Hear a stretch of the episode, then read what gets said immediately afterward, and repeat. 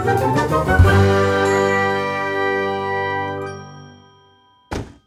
semua, kembali lagi sama kita kelompok 6 di podcast Ngolah Politik. Uh, sebelumnya perkenalkan saya Andini yang akan memandu jalannya diskusi dan di sini saya juga ditemani oleh teman-teman saya lainnya. Silakan memper memperkenalkan diri kalian. Halo semua, nama perkenalkan nama saya Hilda Bahira. Halo, perkenalkan nama saya Restu Syahnanda. Hai semua, perkenalkan aku Agre. Halo semua, perkenalkan nama aku Caya Nigrian. Halo semua, perkenalkan nama aku Ella. Nah, e, kali ini tuh kita akan bahas mengenai populisme Islam. Karena kan e, yang kita ketahui nih, populisme sendiri di negara-negara barat ini merupakan respon atas dampak sosial dan ekonomi dari globalisasi. Sedangkan populisme Islam menurut pengertian kalian itu apa sih? Boleh dari Restu? Kalau misalkan dari apa yang gue pahamin, populisme Islam itu adalah pergerakan massa dari berbagai elemen dan kelas yang disatukan oleh simbol keagamaan yang menjadi pengikat identitas bersama. Jadi mereka mengidentifikasi diri mereka itu sebagai umat yang menggantikan konsep the people yang kontra dengan elit sebagai respon atas kontradiksi sosial dalam pembangunan kapitalisme kontemporer. Uh, nah, kalau misalnya menurut Ella nih, pengertian populisme Islam itu apa? Kalau menurut aku, eh, populisme Islam merupakan aliansi kelompok Islam di mana mereka bersatu atas persamaan rasa ketertindasan yang kemudian memunculkan gerakan sosial yang berhadapan dengan elit yang bertujuan meraih kekuasaan politik. Oh iya, benar benar benar. Nah, kalau misalnya Hilda nih terakhir, uh, pengertian populisme Islam itu apa sih? Ya, gue sepakat sama yang dibilang sama Ella sama Restu kurang lebih sama kalau populisme Islam adalah ekspresi atas adanya ketidaksetaraan dalam struktur ekonomi kapitalisme. Kita kan tahu ya kalau kapitalisme itu sangat kompetitif gitu sifatnya. Jadi dalam konteks ini tuh umat Islam e, menjadi merasa tersingkir dari panggung ekonomi politik yang pada akhirnya membuat mereka jadi melakukan protes agar bisa mendapatkan sumber daya dan kekuasaan gitu sih kalau dari gue kurang lebih.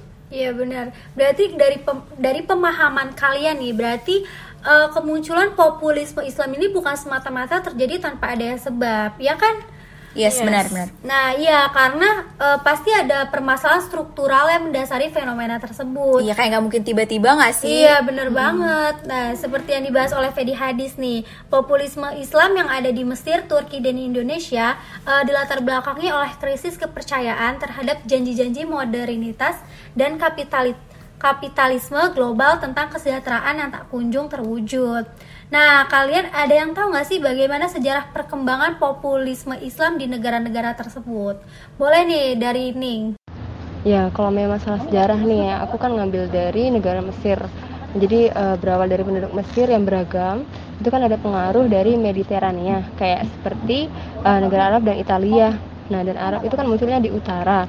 Ada beberapa juga penduduk asli hitam di daerah selatan di mana agama e, di Mesir itu memiliki peranan yang besar dalam kehidupan sehari-harinya. Ya di mana mereka itu konstitusinya e, semua perundang-undangan harus sesuai dengan hukum Islam. Di mana 90% mayoritas e, beragama Sani dan e, sebagian juga menganut sufi lokal. Nah, 10 persennya itu menganut Kristen Koptik dan Protestan Koptik.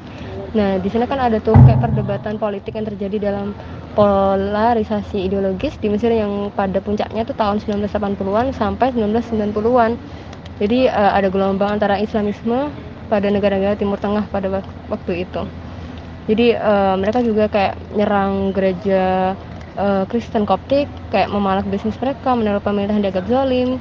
Jadi kayak benar-benar ada ketegangan sosial politik yang mengibarkan pertempuran ideologis antara kelompok. Nah, kalau misalnya menurut Agri nih, populisme Islam di Turki itu gimana sih? Kalau menurut gue, uh, sejarah munculnya gerakan populisme Islam di Turki itu berawal dari warisan kebangkitan gerakan pan-islamisme di awal abad 20. Nah, gerakan ini tuh juga diiringi uh, dengan memudarnya kekaisaran Utsmaniyah di Turki. Gerakan ini tuh juga uh, merupakan sebagai pembangunan umat uh, dengan munculnya masa kejayaan Islam. Tapi menurut Fedi Hadis tuh menggarisbawahi bahwa kemunculan gerakan tersebut tuh sebagai reaksi terhadap dua hal. Pertama ada dominasi barat yang direpresentasikan oleh masifnya kekuasaan kolonial negeri Eropa yang menjajah Afrika dan Asia. Nah, yang kedua tuh pengaruh barat dalam bentuk gaya hidup, sistem nilai, bahkan ideologi dan sistem politik seperti kapitalisme, sekularisme, pluralisme, dan demokrasi. Nah, kristalisasi gerakan ini tuh juga berada di dalam masa kekuasaan otoriter, seperti dalam kasus gerakan Ikhwanul Muslimin di Mesir ataupun penumpasan DITII. Dan begitu juga pembubaran Masyumi pada windu terakhir kekuasaan masa Soekarno. Nah, dalam pandangan Fedi Hadis tuh kristalisasi gerakan politik Islam tuh terjadi pada pasca Perang Dunia Kedua, di mana ide-ide pan, pan-islamisme bergerak ke latar belakang sementara panggung dikuasai oleh ide-ide nasionalisme dan sosialisme. Dominasi kedua tersebut terlihat di negeri-negeri lainnya seperti Arab, Afrika Utara, dan salah satunya Indonesia. Nah, e, dari negara Indonesia kali ya yang kita bisa bahas lebih spesifik karena kan itu negara kita sendiri. Benar. Selain itu juga isu populisme Islam ini lagi rame gak sih diperbincangkan akhir-akhir ini? Uh, gimana nih tanggapan kalian atas kasus-kasus populisme Islam di Indonesia? Boleh dari Restu? Ya, kalau misalkan menurut gue populisme Islam di Indonesia belakangan ini tuh kayak semakin digunain oleh kepentingan oligarki gitu. Jadi mereka menggunakan populisme Islam itu untuk menggalang massa ketika menjelang pemilu. Nah, terus di era reformasi sekarang itu populisme Islam itu bergeser ke upaya untuk meraih kekuasaan politik yang dibalut dengan identitas-identitas gitu. Nah, ya bener banget. Nah, kalau dari Hilda nih, gimana nih tanggapannya?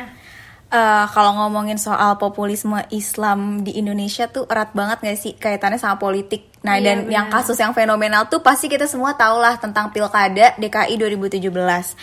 Di mana uh, terjadi gerakan aksi bela Islam. Nah, di sini tuh kelompok-kelompok Islam ini tuh menolak Ahok yang dianggap kafir dan Tionghoa kembali menjabat sebagai gubernur DKI dengan alasan dia itu pernah menistakan agama Islam. Kayak gitu. Nah iya bener banget sih, apalagi populisme Islam pada masa itu tuh semakin terasa ketika Anies Baswedan itu dalam pidatonya uh, dia menyebut kalau misalkan saatnya kaum pribumi itu berkuasa atau mengambil alih kendali atas Jakarta. Jadi di situ Anies Baswedan itu sama kelompok-kelompok Islam lainnya memposisikan Ahok itu sebagai elit yang berhadapan dengan umat gitu. Yang itu berarti sesuai nggak sih sama konsepnya si Fedi Hadis, Fedi Hadis tentang ya benar. Islam. Nah, boleh nih terakhir uh, tanggapannya dari Ning gimana? Ya kalau mau dari contoh politik sosial Islam di Indonesia, uh, aku awali dengan ini dulu kali ya, dari kata demokrasi dulu. Jadi mana kan demokrasi di sini dipakai sebagai salah satu sistem politik dalam mengatur kehidupan bernegara dan berbangsa. Jadinya itu terjadi adanya perdebatan yang hangat di kalangan umat Islam tentunya Nah istilah ini kan e, telah diterima oleh masyarakat pemerintahan di dunia. Bahkan mereka e, pada pemerintahan otoriter itu menggunakan istilah demokrasi untuk memberi ciri kepada rezim dan aspirasi mereka. Di mana ada konsekuensi yang e, menjamur tentang penggunaan kata demokrasi ini seperti demokrasi liberal, demokrasi terpimpin, demokrasi kerakyatan, demokrasi sosialis dan lain-lain dalam mengatur tatanan bernegara dan juga tidak lepas dari partisipasi masyarakat tentunya ya. Nah, jadi contohnya itu salah satunya yaitu adalah aksi bela Islam 212 yang memiliki keunikan tersendiri sebagai gerakan sosial. Aksi unjuk rasa berubah menjadi aksi lebih terlembagakan dalam bidang sosial, politik, dan ekonomi. Nah, aksi bela Islam 212 ini menggunakan ideologi Islam sebagai spirit perjuangan dan perlawanan. Berarti dari kasus-kasus yang udah kalian jelaskan tadi nih, uh, menurut kalian populisme Islam di Indonesia ini menjadi tantangan atau sebuah ancaman sih bagi negara Indonesia? Boleh nih, uh, Ella mungkin tanggapannya? Uh, kalau menurut aku, populisme di Indonesia ini bisa menjadi sebuah ancaman, uh, di mana aksi massa 212 tidak lepas dari situasi politik pastinya, seperti Pilgub Jakarta 2017, Pilkada 2018, uh, hingga Pemilu 2019. Memang banyak yang menganggap bahwa aksi 212 murni demi membela Al-Quran yang dinistakan Bapak Basuki. Hal ini e, merujuk pada pernyataan para peserta aksi dan mereka yang datang dari berbagai daerah luar Jakarta yang pada awalnya tidak ada kaitan langsung dengan Pilgub Jakarta. Akan tetapi tidak dipungkiri juga bahwa label 212 menjadi identitas baru yang menarik, termasuk bagi mereka yang memiliki syahwat politik. Ketertarikan mereka dalam politik praktis misalnya terlihat dari oknum alumni 212 yang menggagas pendirian parpol. Uh, pada 17 Juli 2017 di Menteng, Jakarta Pusat oleh Siti Asmah Ratu Agung bersama alumni 212 lainnya yang menggagas pendirian Partai Syariah. Jadi menurut aku aksi ini tidak tidak pada tujuan dari awal, melainkan mereka juga ingin terlibat dalam politik yang mengatasnamakan agama. Uh, Oke okay lah, ya bener banget. Kalau misalnya Agre nih, gimana nih? Kalau menurut gue sih uh, sependapat ya sama Ella kalau misalkan uh, populisme Islam sekarang itu lebih ke ancaman ya karena uh, bahkan lebih mengarah ke radikal sih. Kalau dilihat kan populisme Islam di Indonesia kan sekarang itu semakin marak terus semakin meluas juga. Mungkin populisme dulu tuh awalnya jadi inspirasi, inspirasi tapi lama-lama tuh jadi aspirasi yang bersifat penuh kemarahan dan mengarah ke radikalisme. Bahkan tuh konotasi Islam tuh uh, sekarang itu malah jadi ruang kesempatan dalam berpolitik gitu. Karena kalau kita lihat Indonesia sendiri kan mayoritasnya kan beragamanya kan Islam gitu. Iya, jadi itu uh, jadi ruang kesempatan karena uh, masa yang beragama Islam itu lebih banyak. Bahkan tuh populisme Islam uh, di zaman dahulu sama sekarang tuh berbeda gitu. Kalau zaman dulu tuh mungkin lebih lekat sama upaya pembingkaian politik identitas umat Islam tuh untuk melawan instrumen dan menggagas berdirinya negara Islam gitu. Sedangkan kalau populisme Islam sekarang ini tuh lebih kayak ya, identitas Islam tuh sebagai alat mendapatkan sumber daya dan kekuasaan uh, di skala politik domestik gitu. Jadi menurut gue tuh uh, kenapa nih termasuk keancaman karena timbul apa ya timbul efek yang kurang baik terhadap sistem demokrasi di Indonesia karena kasus pilkada 2017 kemarin tuh uh, banyak perpecahan dan kesenjangan antar umat gitu. Dan gak sesuai juga sama ideologi yang dianut di Indonesia tuh Pancasila gitu. Jadi karena adanya kasus ini tuh malahan agama Islam tuh mencerminkan intoleransi antara umat beragama maupun suku dan budaya gitu guys. Nah kalau Hilda nih tanggapannya gimana nih Hilda? Uh, kayaknya gue agak berbeda dari Agre sama Ella Cia karena waktu itu saya suka berbeda-berbeda gitu ya. Kalau gue tuh ngelihatnya malah kayaknya populisme Islam ini tuh lebih kayak ketantangan Kenapa buat tuh? Indonesia karena hmm. ya kan negara Indonesia tuh negara demokrasi gak sih? Nah, yes. di mana ya sah-sah aja kalau di dalam suatu negara demokrasi itu uh, masyarakatnya itu kayak memiliki kebebasan untuk mengkritik dan menyampaikan ketidakpuasan mereka terhadap para penguasanya. Hmm. Karena kan salah satu ciri dari negara demokrasi ini kan adanya counter kritik atau counter ideologi serta adanya kontrol dari masyarakat atau rakyat. Apalagi di Indonesia itu kan uh, apa ya negara yang konotasinya itu menganut prinsip-prinsip hukum dan keadilan gitu. Jadi ya masyarakat ya bebas aja memiliki kebebasan untuk mengkritik dan menyampaikan ketidakpuasannya gitu terhadap penguasa. Nah, makanya berdasarkan hal tersebut, keberadaan gerakan populisme Islam tetap menjadi suatu kritik yang sehat bagi penguasa di sebuah negara demokratis seperti halnya Indonesia. Karena sejatinya penyampaian kekecewaan dan kritik tetap dapat dibenarkan dan merupakan bagian inheren dalam sistem demokrasi baik di barat maupun di timur. Nah, di sini populisme Islam tidak melulu sebagai ancaman bagi demokrasi gitu tetapi dapat menjadi sarana masukan dan pengimbang bagi kekuasaan.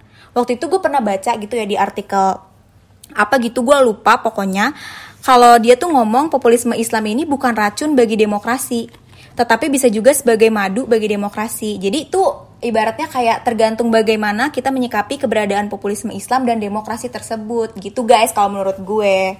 Iya sih benar juga. Jadi kalau misalnya setelah pembahasan kita yang udah cukup panjang ini dapat kita uh, garis uh, bawahi kalau misalnya populisme Islam merupakan ekspresi atas ketidaksetaraan dari konteks penerapan prinsip kapitalisme yang dirasakan oleh umat Islam. Uh, dan berdasarkan Fedi Hadis populisme Islam ini tidak jauh dari upaya uh, para elit politik dalam rangka mendapatkan sumber daya dan kekuasaan di dalam level suatu negara. Uh, selain itu juga sebenarnya populisme Islam itu uh, tidak berbahaya bagi Indonesia kalau tidak dikaitkan dengan kepentingan yang mengarah kepada radikalisme. Karena kan sejatinya populisme dan radikalisme ini merupakan hal yang sangat jauh berbeda. Um, jadi uh, populisme Islam tidak melulu sebagai ancaman bagi demokrasi, benar tadi kata Hilda, tetapi dapat menjadi sarana masukan dan pengimbang uh, bagi kekuasaan. Nah, maka dari itu uh, diperlukan kesadaran bersama seluruh pihak yang sedang berkontestasi, terutama para elit politik untuk bersikap dewasa dan demokratis, yakni dengan menghormati semua prosedur dan nilai-nilai demokrasi. Karena bukan tidak mungkin kepercayaan politik yang tumbuh di masyarakat luas bisa aja nih meningkatkan kebencian dan permusuhan sehingga menimbulkan kekacauan dan konflik yang membahayakan masa depan bangsa Indonesia. Uh, sekian pembahasan dari kita mengenai populisme Islam. Uh, semoga apa yang kita sampaikan bisa menambah wawasan kalian nih. Terima kasih sudah mendengarkan. Jangan, Jangan lupa share ke teman-teman kalian. Bye bye.